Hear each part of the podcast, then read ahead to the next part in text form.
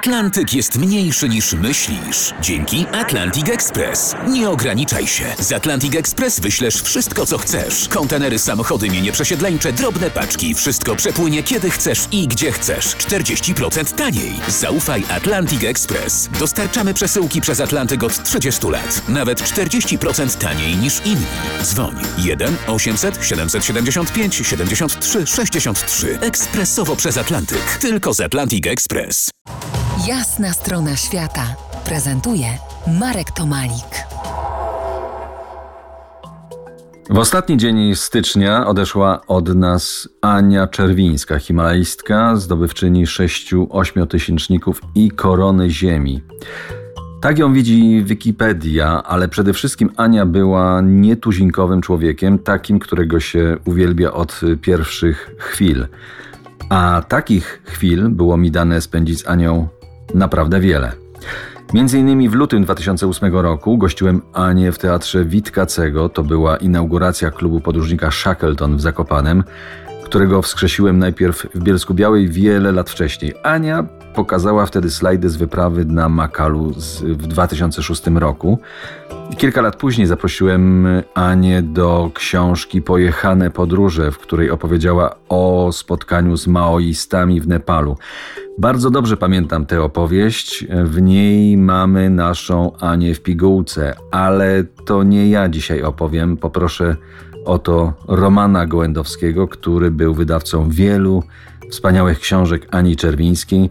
Mm, pisała o tym w Górfance. Może, może nie byłoby tej tragikomicznej sytuacji, gdyby nie wydarzyła się o czwartej rano, jak sądzisz?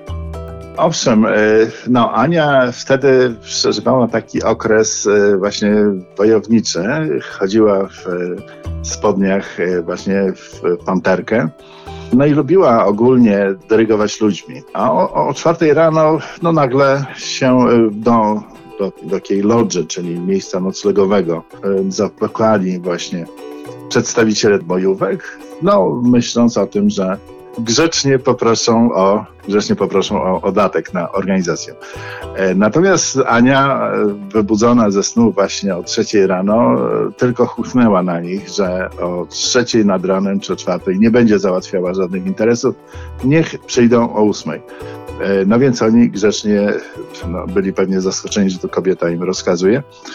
Grzecznie się wycofali i, no i pojawili się o stosownej porze powiedzmy.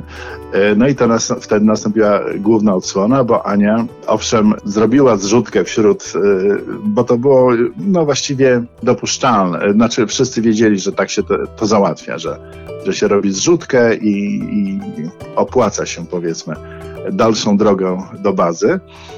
Natomiast no, na szczęście uratowała bardzo cenny sprzęt e, szwajcarskich alpinistów. A czy równie dwuznaczna była tragikomiczna i może tragikomiczna ta relacja Ani z trzęsienia ziemi w Katmandu? W tym momencie, kiedy zatrzęsła się ziemia, Ania właśnie no, opłacała koszty wyprawy, więc na stole leżała spora sumka dolarów.